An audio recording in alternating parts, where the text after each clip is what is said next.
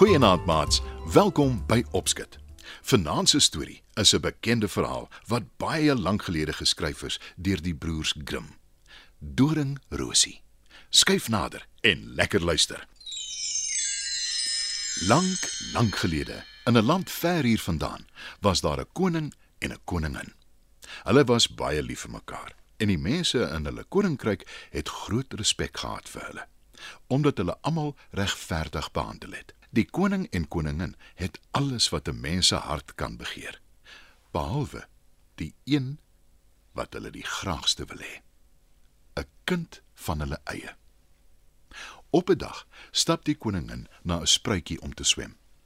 Toe sy in die water is, sê sy: Wat 'n pragtige dag is dit nie. Ek weet ek is gelukkig om 'n goeie man te hê en bevoorreg om 'n koningin te wees. Maar as ek tog net 'n kindjie vir my eie kon hê. Sug sy. En eensklaps duik daar 'n padda uit die water. Hy kom staan op die wal en kyk stip na die koningin. Toe sê hy: Voordat die jaar verby is, sal jy 'n dogtertjie hê. Jou wens sal vervul word. Die jaar gaan verby. En soos wat die padda voorspel het, kry die koningin 'n baba dogter. Die koning was nog nooit so gelukkig in sy lewe nie. En hy besluit om 'n groot fees te hou om die koms van sy dogter te vier. Hy nooi sy familie, al sy vriende en ook die wyse vee in sy koninkryk. Daar is 13 wyse vee, maar omdat hy net 12 goue borde het vir hulle, nooi hy net 12 na die fees toe. Na die heerlike fees gee die wyse vee elkeen om die beurt vir die klein prinsesie hulle wonderlike geskenke. Die een gee haar deug, die ander skoonheid, die derde rykdom en so aan totdat dit die 12de een se beurt was. Net toe die vee wil begin praat, swaai die swaar deure van die feessaal oop en die 13de wyse vee kom ingeloop. Al die gaste kyk verskrik na haar, want hulle kan sien sy is woedend omdat sy nie uitgenooi is nie. Die 13de vee gaan staan voor die prinses en roep: In haar 15de jaar sal die prinses haar met 'n spinnaald prik en dood neerval. Toe draai sy om en verdwyn. Almal is verskrik. Maar toe kom die 12de vee wat nog niks gesê het nie en sê: Ek kan nie die 13de fees se wens ongedaan maak nie, maar ek kan dit versag. Die prinses sal nie dood neerval nie. Sy sal net 'n 100 jaar vasslaap. Die koning wat sy dogter wil beskerm, vaardig toe 'n bevel uit dat alle spinwiele in sy koninkryk verban moet word. Intussen is al die wense van die wyse vee vervul en die prinses is so mooi en goed dat almal haar liefhet. Op haar 15de verjaardag dwaal die prinses deur die paleis. Sy verken al die gange en loer by al die kamers in totdat sy by 'n ou toring uitkom. Sy klim by 'n smal, styl wenteltrap op en voor haar is 'n klein deurtjie. Toe sy die verroeste sleutel in die slot draai, gaan die deur oop en sy's in 'n kamer waar daar 'n ou vrou by 'n spinwiel sit en spin. Goeiemiddag. Wat maak jy? Vra die prinses vir die ou vrou. Ek spin. Antwoord die vrou. Hoekom spring die dingetjie so op en af? Vra die prinses en sy vat aan die wielietjie. Maar sy het skaars daaraan geraak toe prik die naald haar en sy val neer op 'n bed in die klein kamer, vas aan die slaap. En toe die prinses aan die slaap raak, val daar 'n diep slaap oor die hele paleis. Die koning en koningin en al die howelinge raak in die hofsaal aan die slaap. Die perde slaap in die stalle, die honde in hulle hokke, die duwe op die dak, die vliee teen die muur. Ja, selfs die vuurtjie in die kaggel slaap.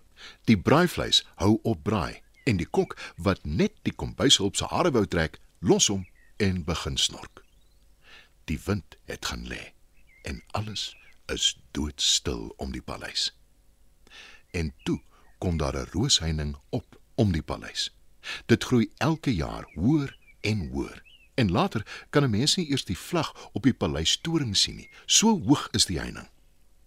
Almal in die land ken die storie van die pragtige prinses Doringrosie. Baie prinses probeer om deur die roosheining te klim, maar die dorings is so skerp dat niemand dit kan regkry nie. En toe, na baie baie jare, kom daar 'n dapper prins na die land toe.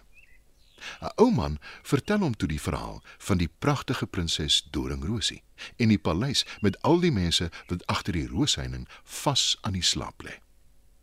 Hy vertel hom ook van al die prinses wat al deur die dorings probeer breek het en dit nie kon regkry nie. Maar die dapper prins sê: Ek is nie bang nie. Ek sal die skone prinses Doningrosie gaan soek. Toe die prinses by die roosheining uitkom, is die 100 jaar pas verby. En toe hy aan die heining raak, word al die dorings sagte rose en die rose buig om sodat hy kan deurgaan. En hy sien al die perde en honde en duwe wat vasslaap. In die kombuis sien hy die kombuishulp en die kok slaap en in die kaggel is die vuurtjie aan die slaap. Bo in die hofsaal slaap die koning en koningin en die howelinge.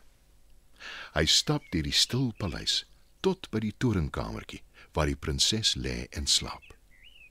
Sy is vir hom so mooi dat hy buig en haar op haar wang soen. En net toe hy haar soen, gaan haar oë oop en word sy wakker.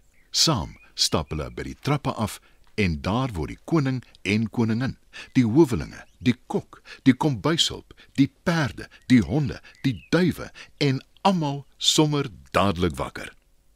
Daarna word 'n groot bruilof gehou. Die prinses Doringrosie en die dapper prins is getroud en hulle lewe baie jare lank gelukkig saam.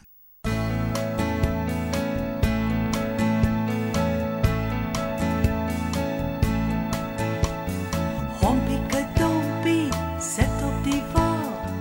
Hompieke dompie het afgeval. Die koning se ruiters, die koning se leer kon Hompieke dompie se val nie keer. Die liewe tante sug want sy woon in 'n skoen. Sy weet nie wat om te doen want sy het nie minder nie as 10 stuks kinders nie en almal woon saam in skoen. Dit is alles waar. Dit is alles daar. Want dis 'n vierkie land waar alle kinders heerlik rond kan dwaal.